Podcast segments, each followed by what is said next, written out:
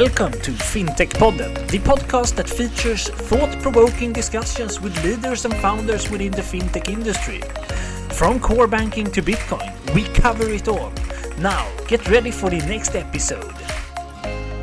In this episode, we have a very interesting guest with us, Michael O'Loughlin from Token.io. Uh, Michael have a long background within finance, and um, uh, let's jump right to it and say hello, Michael. Hi guys, greetings from Berlin. Nice, Hi. nice to have you on the on the podcast. Uh, would you like to to speak a little bit about yourself for our audience and tell us uh, tell them about your background? Sure. Um, first of all, great to be on the podcast. Um, I've been in my pre-reading and pre-listening, listening to the other um, esteemed guests. So um, proud to be one of your guests on this show. Um, so my name, Michael O'Loughlin. Uh, I'm an Irishman uh, living in Germany at the moment, and with a company called Token. Um, so my job currently is to spearhead this uh, development of a global market-changing open banking platform. Quite the mouthful. My role is managing director at the company. I've been with the company just three years now. Um, so I guess I have a deep understanding of this rapidly evolving global payments landscape, and that's been my primary focus throughout my career. Payments, um, and indeed the different innovations uh, around that. You, you have a, a long um, uh, history of uh, positions in different companies. Uh, I, I, think I read in your profile on LinkedIn, CGI, KPMG, Citibank. Uh, yeah, Great. yeah. I, I found myself fortunate actually. Um, I kind of fell one of those. I'm a recovering banker, but I kind of stumbled into banking. I didn't never intended on going into banking, but um, I ended up uh, working at Citi in Dublin, in Ireland, and then went on to Citi UK. Um, and I think that's where I got my real grounding in global transaction banking. I guess people will always need to move money. There will always be a, a transaction and uh, I latched onto that uh, pretty early on. So, how, how come you, that you ended up in banking from the beginning? Um, a, a, job came up. I, I, ended up getting in working with um, the CEO as chief of staff in banking in in Citibank. Um, it was very much a role that was a unique role where I got to get an understanding of everything from back to middle to front office, and hmm. understand you know the real reason why people make decisions. Um, I think one of the best advice I was given early on was, you know, practicing the economy of words because you can never misquote silence. And I think that was the best put down ever when I was talking too much. So um, the irony is I'm on a podcast talking now, but um, no, I ended up in banking simply because I saw it as an area that um, was going places. It was very much changing nonstop, and I was always fascinated with technology. And um, and when I look at where where things are now and where they were in 2007, 2007 was literally the last year of the good times, very much the last year of the Celtic Tiger in Ireland, and uh, mm. where everyone said, you know, you're supposed to save your money for the good times um, or for the rainy day, but there's an Irish comedian, Tommy Tiernan, said, but then we wouldn't have the good times. so um, that's kind of my background is very much living in the good times in 2007 and then surviving and thriving through the downtimes. Um, and I think that was where I really cut my teeth in understanding, you know, these legacy systems and the need for change because they weren't necessarily going to be robust enough to tackle all these new regulatory reforms and things like that. And this isn't really sexy stuff when you look back at the 1970s COBOL structures that are in place even today. We seem to be putting lipstick on a pig uh, in the years after that. Um, and that's how I got into consulting. Uh, very soon after working uh, with Citi in the UK, I ended up going to KPMG, where again, baptism of fire, young women and men speaking in languages from a Dilbert cartoon I'd never heard before. Everyone was reaching out and touching base, and they were talking like words around synergy and brown papering things, and I just thought it was comical. But at the same time, I got to see that it's the same target operating model being taken from one bank and being brought to the next bank every time, regurgitating the same solution for any size bank. And I thought to myself, there's got to be a better way. And uh, and along came CGI or Logica, they were called when I joined them. Um, uh, one of the last great UK software companies at the time, and uh, they were acquired by CGI, and I joined them, and that was a great learning curve. I would describe it as I got to work in some exciting projects in mobile payments and um, account switching, but around 2000 and I think it was 11, I got wind of. I say I got wind of. I I read the paper around Bitcoin and I nearly fell off my seat, and uh, it just nothing made sense. It just, as in everything I'd learned up until now, was out the window. The fact that there didn't need to be a middleman or an oversight or a regulator or you know a bank involved in a transaction, the fact that there could be one world currency, um, it was mind blowing. And to a lot of my friends down the pub, that didn't seem to be too interesting to chat about. But I found my peeps, as they say, and uh, and but I, I, even in my own company at the time, CGI, I was definitely seen as the the crazy guy uh, talking about this new tech, and um, and also fascinated by the underlying infrastructure. So uh, that was just uh, one of the distractions I had. I would describe it along the way. Um, but the great thing about that company was they allowed me to work on it in real time while you know being a consultant. And I moved to the United States with my wife and my child, uh, and started working on new, exciting new projects in global payments, and uh, always keeping that interest in this underlying infrastructure of blockchain, using the use cases beyond payments, such as in the health system in the United States, or working with the government around trade finance and other new startups like Ripple and these guys. And uh, that's very much that grounding of the idea that there could be something different. And then a few years ago, um, I met. I get. I call him the guy that changed things for me. Again, I've had some big moments of change, but um, the penny dropped when uh, I met a guy called Steve Kirsch, who is the founder of Token, who um, talked to me about taking the best bits of this um, this system that I was describing to him, which was you know blockchain, um, from a cryptography point of view and from a smart contract point of view, and actually taking that out of the system and putting it back in in a way that's accessible to everyone and acceptable to everyone, is in playing to the audience because the regulator and the banks themselves and the central banks of the world they don't really want to put this blockchain system in place you know despite it being a transparent, traceable, trackable, um, open system, I think it, it's kind of scary to imagine a world where everything is out in the open because then dodgy things can't happen, and uh, the politics of the world would uh, really be under true scrutiny. We would uh, certainly upset the apple cart. So this was a very good conversation. I didn't really appreciate who I was talking to at the time. Steve, who was and is the inventor of the optical mouse, uh, credited with one of the first ever um, search engine creations, InfoSeek, and a few other things along the way. He's also a great philanthropist, very interesting guy. Um, he told me about the idea he had for this company called Token, and immediately um, I signed him up with CGI as one of our partners. And I literally brought him on a roadshow saying, "You got to meet this guy. It's this brilliant idea he's calling it open banking, but no one really is buying into it. Um, and then they raised some money uh, in San Francisco. There was a small group of them, seven or eight guys uh, and ladies, and um, they raised some money, a small amount of money, and then they suddenly got 18 million in a Series A fund, uh, which has since been extended to 35 million. Uh, and that's just three years ago, uh, or under three years ago. And uh, I, I, jumped ship. I, I, was fascinated. And the reason I was fascinated was I got a phone call from Martin Nelson, who is the co founder with Steve. And he said, We found the use case. We found the problem. You know, I mean, you hear this with a lot of fintechs.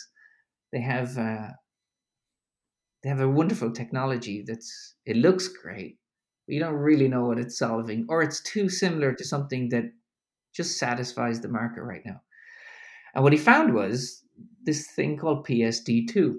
And I won't lie, I had to go on to Google, the irony using a search engine, and um, I started to read about what this was, and essentially PSD2 was saying that banks would be compelled to, would be mandated to open themselves up through APIs to allow third parties access their data and indeed funds of the customers. Now, they, these third parties would do this if they were authorized by the customer to do so and if they were authenticated to do so. And this was literally like as if you read out what we said our mandate was going to be. And it was, you know, in life you talk about big moments. That was another big moment or chapter where I remember walking out of the basement in New York and saying to my wife, Right, I have to leave my job. this is it. And uh, pretty soon after, a few months later, um, which is two years next month, uh, we we moved from New York to Berlin opened the Berlin office, and um, I've been spending an awful lot of time traveling around the Middle East um, and beyond. It's a shorter flight than New York, but um, uh, certainly spreading the word of open finance, moving beyond banking. And um, we can talk about what open banking is if you want. We can talk about um, that type of thing too. But um, it's been an adventure, everything we've done so far. Uh, the team, when we began, was very, very small when I joined. Uh, we now hit 60 people. Um, as I said, 35 million funding. We're in the middle of a Series B round at the moment. It's going quite well. Um, we're all working from home, like most people except Sweden. Um, but we're in three offices san francisco that's mainly where our engineering team where it originated with steve that that stays there uh, we now have our CEO, Todd Clyde, who is a fantastic CEO, who is very much the controller of Silicon Valley, um, the safe pair of hands, been there, done that with a few exits of other fintechs and other tech companies along the way. So, very much, um, he looks very much after the investor side of life and how we operate as a company. My role is very much how we go to market and how we grow into new markets. So very much the, the shaman being brought in from the edge of the village to tell the story of what people need before they need before they know they need it. Um, so finally, that marketing degree I was told to go and do is paying off. and what market would you say you're active in at the moment? Yeah, so primary market would be um, the UK, simply because the UK moved most quickly or rapidly. Um, we are connected to just over 4,000 banks across Europe. Um, and by connected, I mean directly connected using connecting um, our API through into their sandbox or indeed through their own exposed API as a result of PSD2. Um, and that's the primary, uh, I would describe it as the bread and butter of what we're doing right now.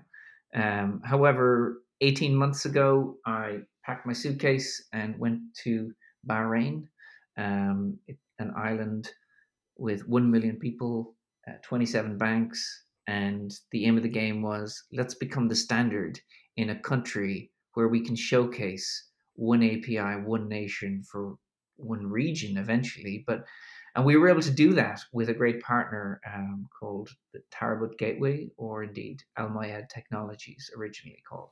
Um, they were our, our boots on the ground, our uh, implementation partners for the banks there, where we became um, a standard for open banking in the country. And now, as a result of that, that's opened doors in UAE and uh, other neighboring MENA, uh, Middle East, North Africa countries.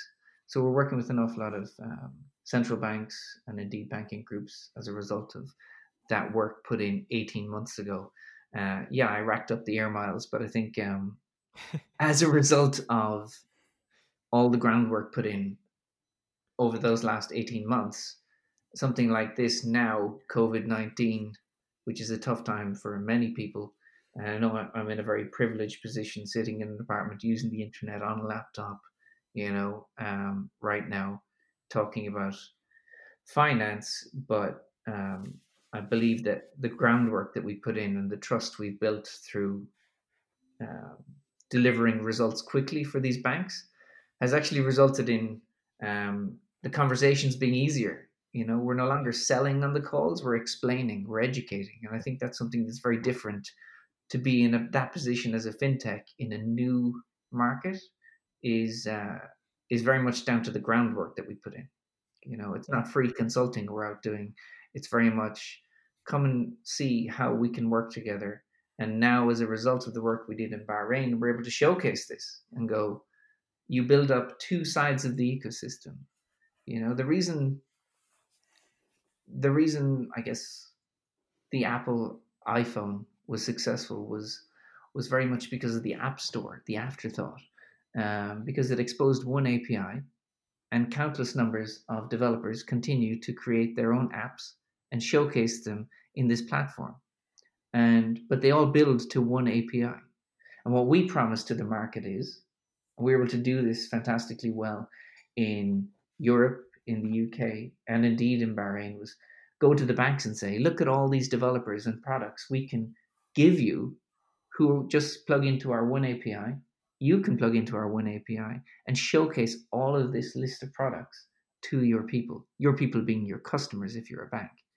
And then on the flip side, if the bank wants to play on that side as well, the other side, they indeed can go and showcase their products in other banks as well. So there's very much a white labeling opportunity there too.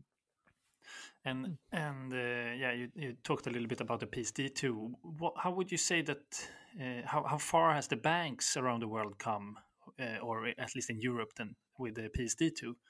You know, um, I I won't go into the percentages, but um, I think uh, the numbers are frighteningly low on the actual compliance. I think um, many of the banks believed that this was a problem that would just go away and hmm. what I mean by that is they were told you have until September 19th, 2019, September 14th, 2019 to actually comply. And the consequences of not complying were never really truly stated, as in, it's not like a GDPR fine where if you're in breach, you pay an awful lot of money. Um, and as a result of that, I think the deadline has slipped. Now, when we go out to our investors or went out to our investors, we saw this as, you know, the holy grail, as in this is the deadline, we'll get the mass rush and panic buyers in the end. And don't get me wrong, we did. But many of the banks, the larger tier one banks, chose to build it themselves. What we mean by that is they dedicated compliance departments, ring fence project teams to work on they didn't call it necessarily an open banking project, they called it the compliance project, which in essentially is a tick the box exercise to make sure you comply with the RTS requirements. And to that extent, yeah, sure, they did. They did just that. But PSD2 was written in such a way that it's a loosely worded document. Um, don't get me wrong, it's difficult to please everybody, to bring everyone on the same journey. But even CMA 9 in the UK was written in such a way that, in spite of it trying to bring everyone onto the same standard um, or level playing field, it resulted in the nine large banks in the UK creating nine very different customer user experiences, which was not the intention of CMA 9.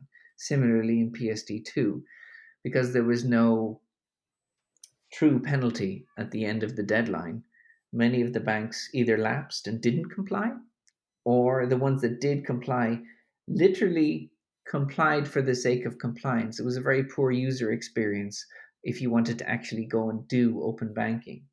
You know, about two years ago, I did an interview where I described open banking as it was very much the larger banks saw it as a threat and they were offering open banking with a little o, as in they were willing to open up a little bit but the user experience, and this is a cynical view, but nonetheless, our experience from two years ago, the banks at the time saw this as why would we open the door of data? We're the custodians of value of of, of finance, of people's savings. Why would we open up to data leak, breaches, fraud, anything like that? And um, and certainly, why would we open up to third parties? So rather than doing it in an innovative, creative way Many banks early on, uh, many of them have changed their tune since, and we can talk about that. But early on, they they opened the door a little bit and they made the user experience so poorly uh, that customers just wouldn't really buy into it, you know, and see the benefits. So there was no education, communication campaign, marketing campaign to promote it. But then something happened, very much around education again. We kept going with the same message banks can make money, banks can save money. And this is something that didn't really hit home for a while, but it's like a telephone network. PSD2 will achieve what it needs to achieve if everyone sings off the same hymn sheet. And in the telephone network, if everyone is on a different handset, that's okay. But if they're on a different, uh, if we don't have each other's numbers, we're not going to be able to call each other. It's just not the same experience. From our side at Token, we saw this early on as our opportunity. You know, we are a commercial enterprise at the end of the day, but we still believe that while computers have maybe two main options, like iOS or indeed Microsoft, um, or handsets, you know, you look at handsets, they usually go off iOS or indeed Android. We kind of saw banking as missing something. And PSD2 attempted to achieve that, but Token wanted to bring it that step further and have one API for global banking, for connectivity. So, you know, the travel plug analogy where everyone has their adapters. When you travel from Sweden to the UK, you need to bring that adapter to plug it into the wall. Um, we just thought, well, why have an adapter everywhere? Why don't we all just use one plug? You know, and uh, that's where the idea came from. But but talking about open banking, what would you say uh, is your definition uh, of open banking? I guess um, it's the practice of sharing financial information or payments electronically, securely, and under the conditions that your customers approve. And I think uh, many, many, many people forget about the customers here. You know, um, and the idea here of doing so was open banking was opening up to benefit the customer and it all it always comes back to the use cases the initial use cases of open banking uh, for us was very much um, i have i multi-bank right and mm. now i can go into my bank account and see all of my bank accounts in that one bank account through data aggregation so token our main offerings from an open banking perspective was around payments, being able to move money not through card payments, but actually through bank account to bank account payments. Now that that's a great saving for a bank. It also helps banks from a data perspective see what their customers are doing. But why does it benefit the customer? It benefits the customer um, because the customer is in more control of what they're doing. Um, from a compliance perspective, the open banking side of things, compliance was, I would describe it as the catalyst. That was PSD2. But now the next step on top of that, open banking around the new financial services value chain. You know, our, just to pause for a second, because I feel as if I'm waffling. Our grand vision is to make it as easy to send money globally as it is to send an email or a text message. That was where we started. And then the first step in the journey to, to provide an open banking platform, you know, was to build something that connects developers to banks. That's why I gave you the analogy of um, the Apple Store, the App Store. Mm. Um, you know, and and then our, our key products, just because I think it kind of segues, our key products around payments were very much how to make an account to account transfer. Uh, we have one called Token Pay. So right now, when you go online and you want to buy something, on a website, at the bottom, you usually fill in your credit card details. What we're proposing on all the merchants is because merchants have to pay an awfully large fee here. We're saying is cut out the credit card, pay directly with your bank account. And the button that can appear there now could be token pay, or most likely, because banks spend so much money on branding, they will want their own brand there. But your browser doesn't know until you do it the first time, so there'll be a drop down menu of all the banks that it could be. You select your bank, and from that moment on, it'll be done seamlessly. I mean, many of many of us know in this space. I mean, those listening to this podcast, that you shouldn't be sharing your bank account details, let alone your credit card details, online. And with open banking, the concept here is that you'll be able to do it securely through a secure ID, protecting your data, protecting your payments.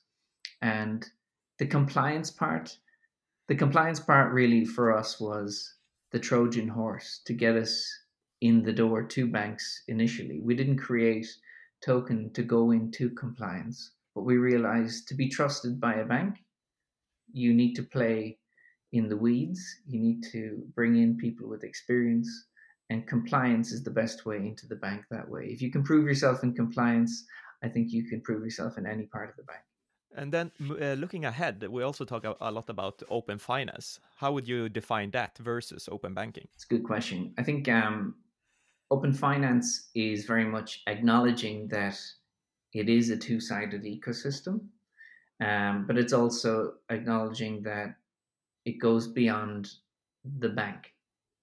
Uh, the reason it was called open banking originally is because the people being disrupted were most likely going to be the banks. Yes, the cards companies would be disrupted too, but many of the cards companies have actually embraced this.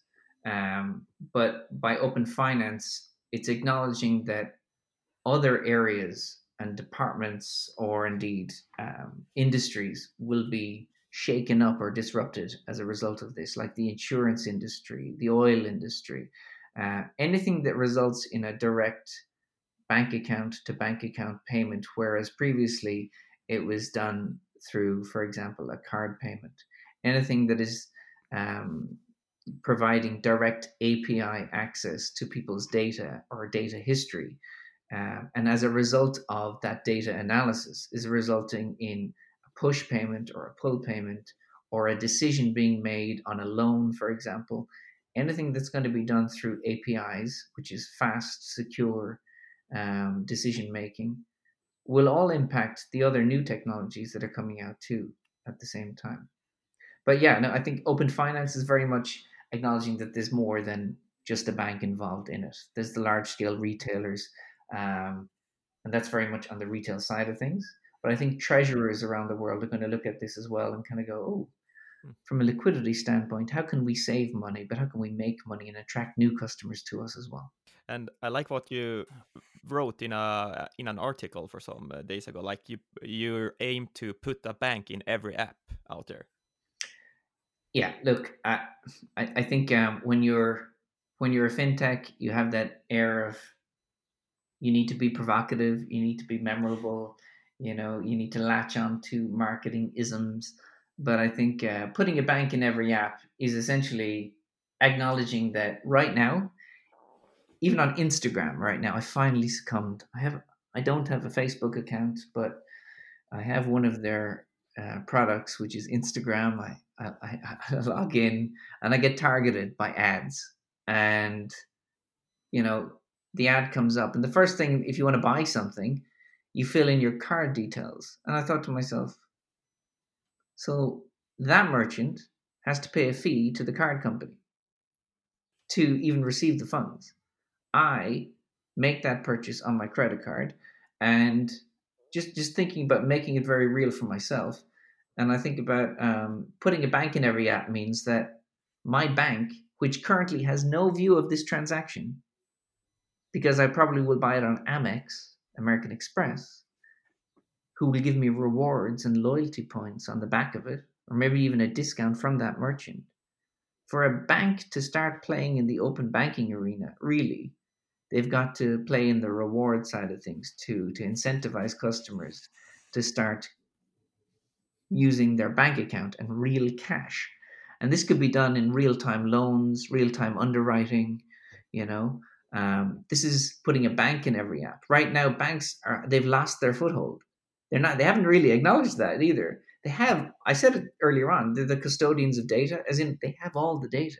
Everyone talks about Google and Facebook knowing what I'm going to do before I even do it. Apple knowing where I'm running because I've a, a watch on me, knowing where I am at any given time. They know I'll go for a run this evening, just on behavioral things. But the bank has lost that access to my data. Uh, and in truth, they should know my date of birth, but they don't because it's somewhere probably handwritten somewhere else. But if you look at the bank in every app concept, the bank in every app is very much saying, make the bank your life partner. And then what we're trying to do is bring the banks on this journey too and make them acknowledge and realize that if you want to be part of this story, if you want to get a sound footing in this new digital world of open finance, you need to start rewarding, incentivizing, almost gamifying. Is that a word? The gamification of open banking. You know, they, they need to be part of the game. And uh, mm-hmm. because customers are going to vote with their feet.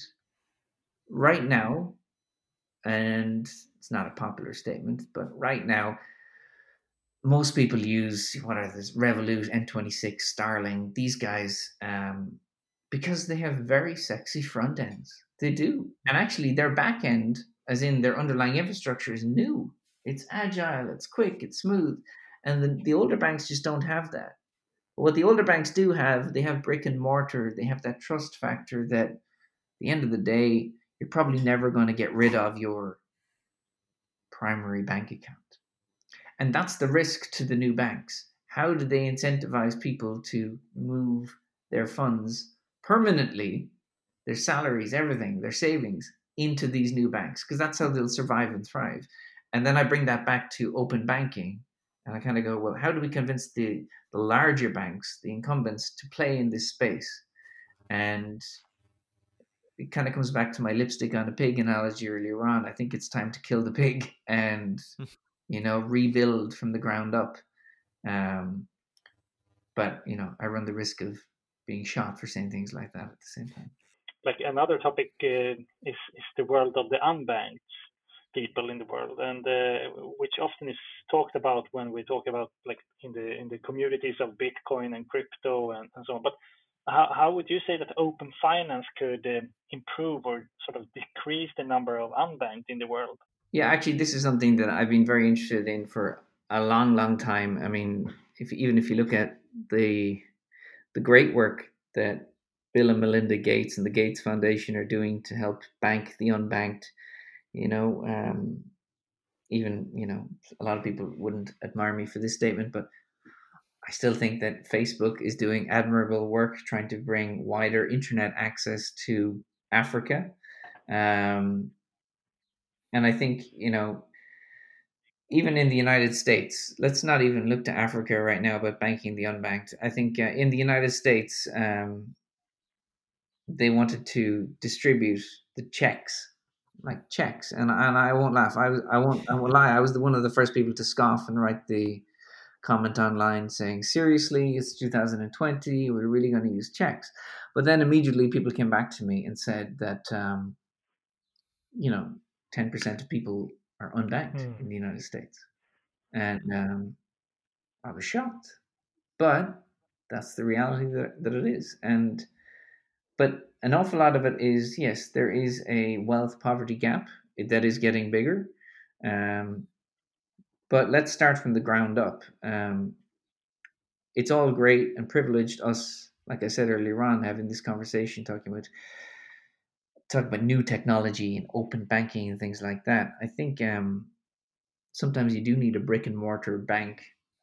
I think where it can help is um, some type of ID verification that doesn't involve a handset that can physically involve someone walking in and showing their fingerprint to, to rather than a home address or a voting card or a driver's license things that people might not necessarily have access to um, but that could exist in that branch that we're trying to kill at the hmm. moment you know um, because not everyone can afford a $500 smartphone um, or indeed a bill pay or indeed access to the internet.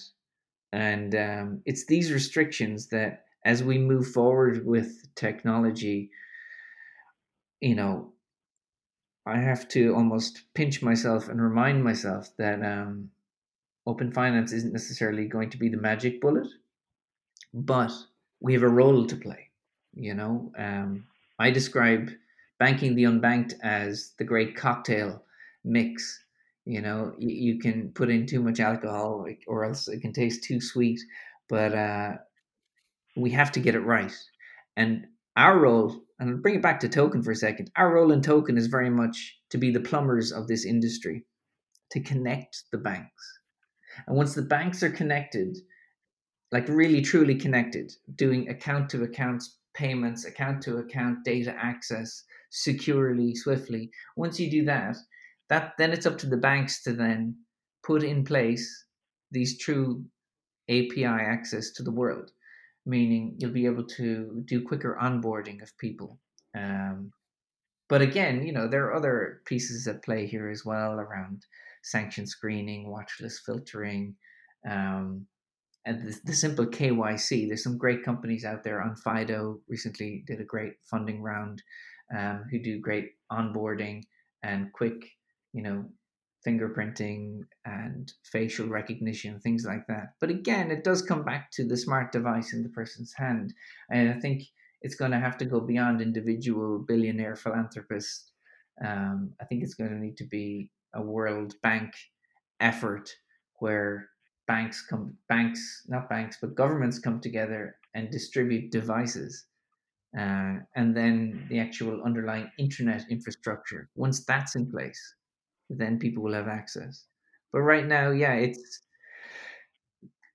I, I was the person waving the flag, as I said a few years ago. Um, felt a bit disillusioned after a while, but you know, there's some great work being done if you acknowledge that you know certain cryptocurrencies can help the unbanked participate in and save securely and not get robbed.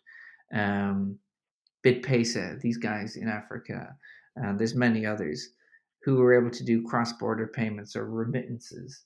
But again, that's involved in crypto.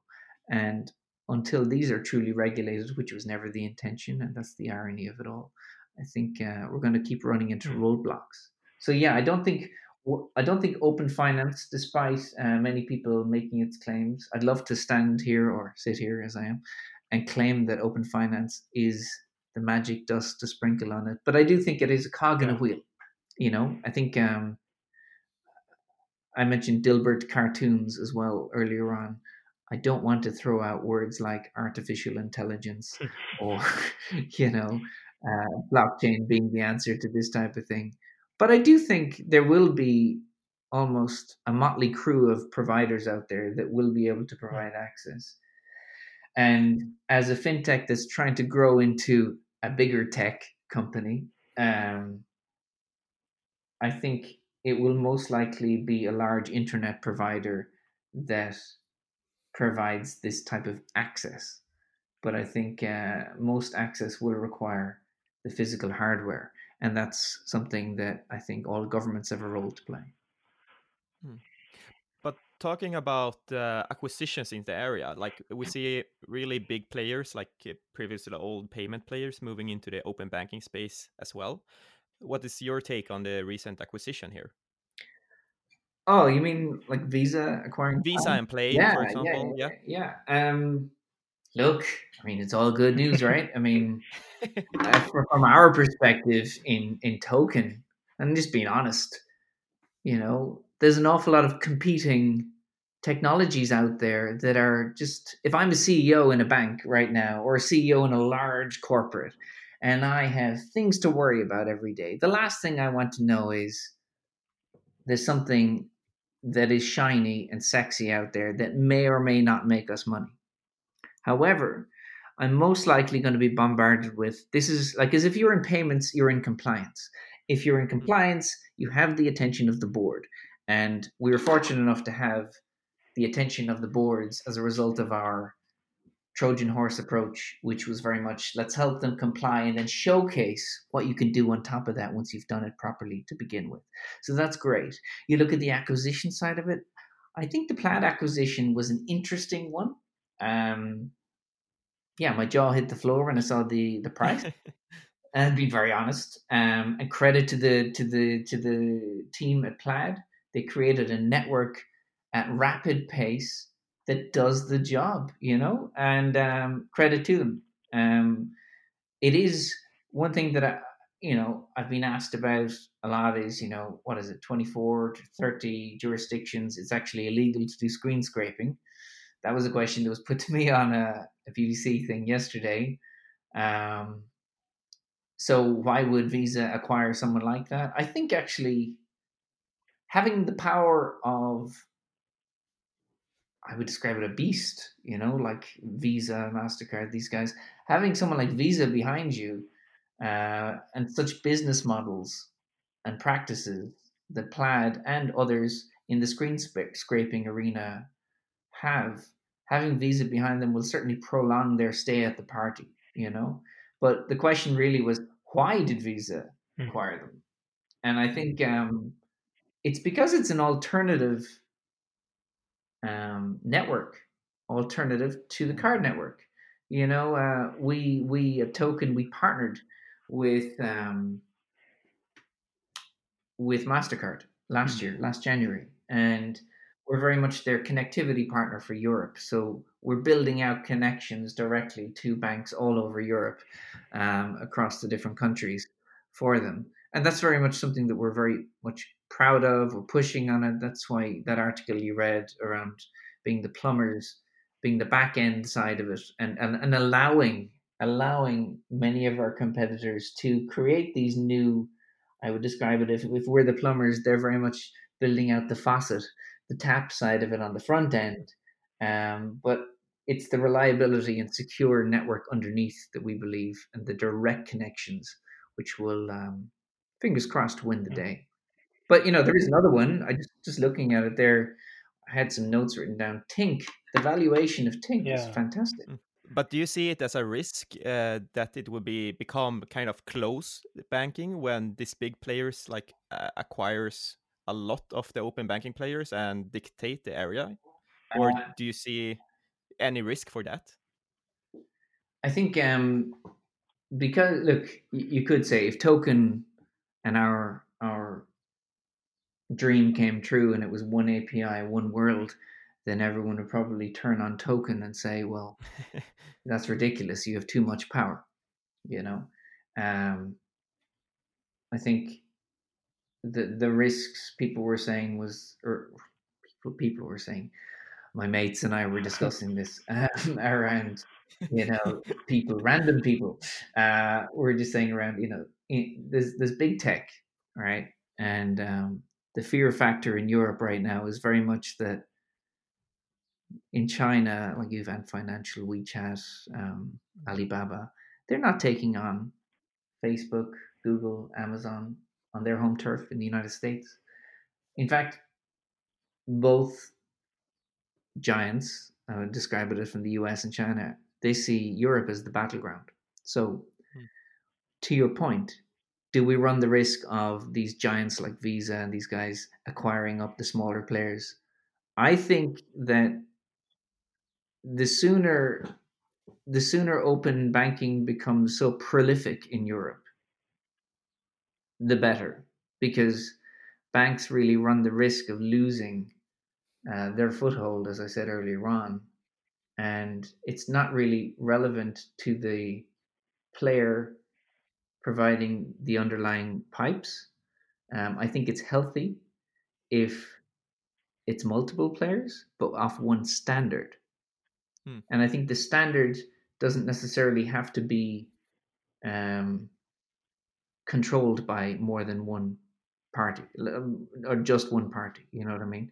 As in, we want to become a trust mark for the world, you know, and um, and that's that's something that as we connect to all these banks and we offer this direct access to data in a secure manner. Our hope is that the likes of the Tinks and the Plaids of the world, or indeed now Visa, will try and do the same thing, you know, because at the end of the day, the bit that's being forgotten in all of this, and it's the bit that probably our engineers at Token hate me for it because I keep coming back to will a customer use this? Is this improving their day or making it worse? Hmm. You know, our clients, is this helping them do their job better, or is it making them just have to jump through more hoops just to be regulated better? You know, um, so are we making our clients' day better? Are we making our customers' day better? Um, you know, and if I if I'm a CEO, I want to know: Am I compliant? Am I making money? Am I saving money? And uh, who the hell are these guys from Token? And why are they preaching from the rooftops that we're doing it incorrectly? You know, but uh, we're I think we're trying not to be too disruptive with our statements. I think we're now at the point where it's the perfect storm. I mean, COVID nineteen. Um, it's a difficult time for the world right now.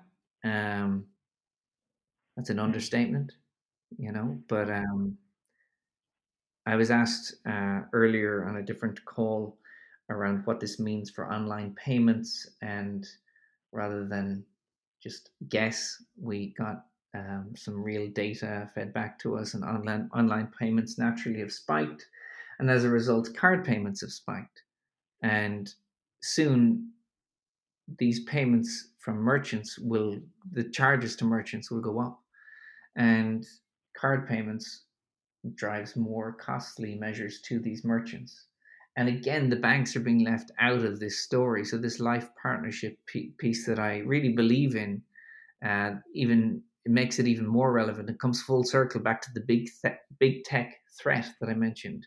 If banks don't do this now if they don't learn who their customers are and their behaviors they won't be able to anticipate and upsell them on new products or indeed you know the one thing banks are failing to do really is uh, they're failing to acknowledge that it doesn't need to be your product anymore you just need to satisfy your customer that's why open finance is going to help banks win if banks can acknowledge that they don't need to spend all their money on new product development they can just showcase everything to their customers and vet them for them you know like an a la carte menu. and that, that's what we mean when we talk about uh, looking beyond the, the, compliance, right? Very much so. Yes. Yeah. Yeah. Yeah. And I think uh, many of of you know my fascinations, as I said before, were on Bitcoin, crypto, blockchain, etc. But um, I think my my argument was very much arguing the case for a decentralized open banking infrastructure originally three years ago. I quickly realized that that's just not going to fly. It's not going to fly for so many reasons. But the reasons were not open banking. The reasons were around, and this is just the irony of ironies. It was it was one version of the truth. Certain institutions didn't want that. Transparency, accountability, fraud reduction, traceability. These were all the promises, but it was easier to adopt an open banking infrastructure at rapid pace through mandate than it was to actually uproot and change the underlying legacy systems to embrace this new wave of distributed hmm. ledger technology. So when we look at that, I think um, tokens on the right path for um, open banking because open banking can sit on top of any old infrastructure and provide the direct connectivity to navigate the inner intricacies and complexities of the banking system, be it made in the 1970s or indeed the 2000s. It's been really interesting. Uh, uh, some of our listeners, they we have had a lot of like smaller fintechs here and so on. And some listeners are themselves founders, and some would like to find uh, found a company within the fintech space. With your uh, experience from from Token and so on, do you have any advices for startups within the fintech space today? Um, I think today is in 2020 where we're at today right now. Um, it's not necessarily going to be something groundbreaking, I'm going to say, but I would say try and balance the books as quickly as possible um, and start making money fast. Um, if you have already raised funds, the temptation is to start to maybe lower your risk analysis, meaning it's like when you get a raise in your job, you buy a new car. You know, it's like um, when you win the lottery, you buy a new house, you know, or a castle. You go too big too soon. And um, from a brand perception perspective, there is that temptation. Don't get me wrong. I mean, we've been through that large Series A. We're now going through Series B. There is that temptation to um, let your ego get ahead of yourselves. And I speak from experience here. Um, I mean, I I'm in a WeWork office in in Berlin. That's my office. Uh, we've a WeWork office in uh, in um, in London, and we have an office as well in uh, in San Francisco. But they've always been strategic decisions around cost, location, um, impact on the client, impact on you know the customers, um, and you know geographic locations is important, but also um, can we access the right people? That's on the cost side of it. Um, but our advice would be try and go after something where you believe you can be the best at it and have a unique selling point. Oh, to be honest, a lot of this is common sense, but I think you can forget very quickly how good your competition is. And sometimes, sometimes you have to fail fast and acknowledge that maybe some of the competition are better at maybe identity. And maybe token should focus on this is our experience. We should focus on being the very best at payments and data. Um, and maybe, you know, always looking over your shoulder, never getting complacent. These are the types of stuff that could be in any management book. But in the fintech space, it's about being cash rich and have giving yourself enough room um, and burn rate um, to last six months. Um, a lot of good things can happen, bad things can happen too. Um, and always be courting the world. You know, courting is in showing them what you've got. Because um, perception is reality. Those days are gone. I think um, that's been the greatest wake up call for me since I joined this um, fintech startup adventure is that you can tell a good story, but very quickly, investors, clients, um, the investors will want to know show us all your books, show us everything. Hmm. The banks will want to know show us what you know, show us what you have, and show us how you're going to work with us. And to be able to do that in a short enough window that the sales cycle doesn't cost more than the win, that's often the difficulty. Hmm. Um, but you know, the good news is, and I, and I think that sounds very pessimistic. The good, but it's more practical magic than anything else, and we've learned through mistakes. You know, um, we've upsized and downsized our office multiple times, um, but being able to do it quickly and rapidly. You know, uh, being able to negotiate with landlords, being able to negotiate with vendors, partners, um, being able to terminate relationships on client side, partnership side these are all things that everyone goes through very quickly but um and also being able to hire a good team. You know there's no room for um people who aren't willing to roll up their sleeves and do the hard work or multitask. Multitask isn't just doing many things at once it's being able to if you're an engineer being able to help out the marketing team that day you know? Hmm. um, and swallow your pride and you know go buy the donuts you know?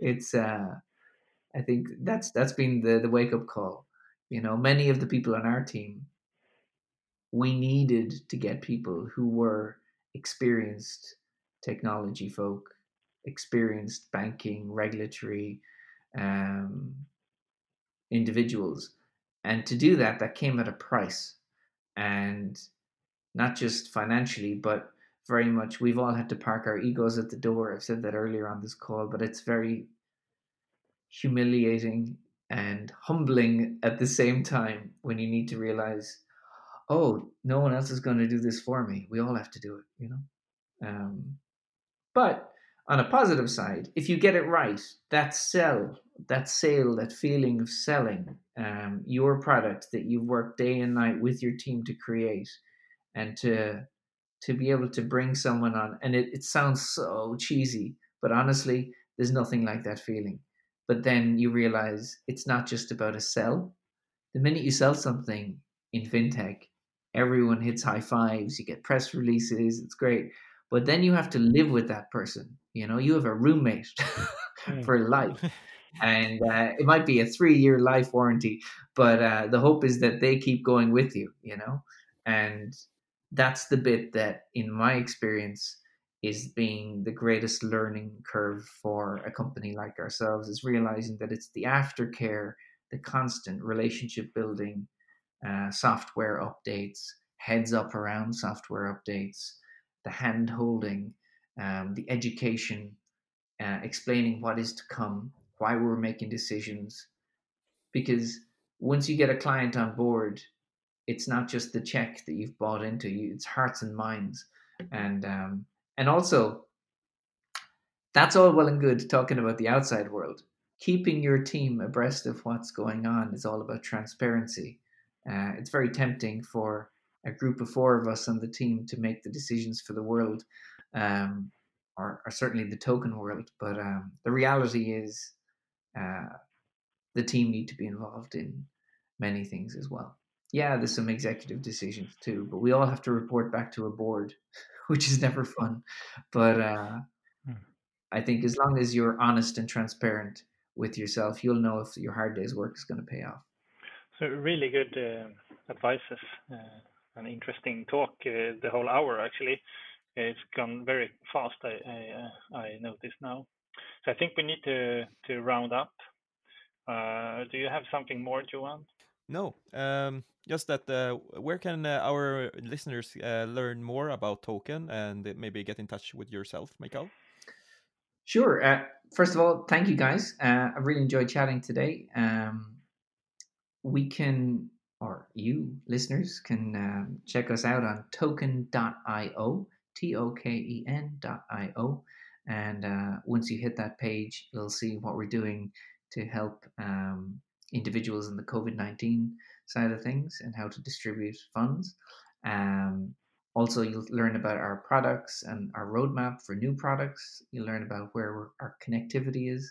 Um, but I guess the main thing you learn how our products work. There's some live demos you'll be able to see as well and download. Mm. But uh, thanks very much for the opportunity, guys. Do check us out. Follow me on Twitter at Euro Lachlan, and uh, it'll be great. Thank you, guys. Thanks a lot. Yeah, and, and thank you so much, uh, Michael, for being in FinTech Podden. It's been very interesting to have you here.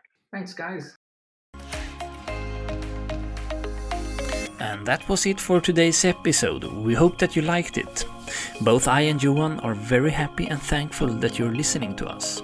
And if you like what we do here, please go into iTunes or whatever platform you're listening from and leave a review or a rate. We would appreciate that a lot. We will soon be back with another episode, and until then, have a good time.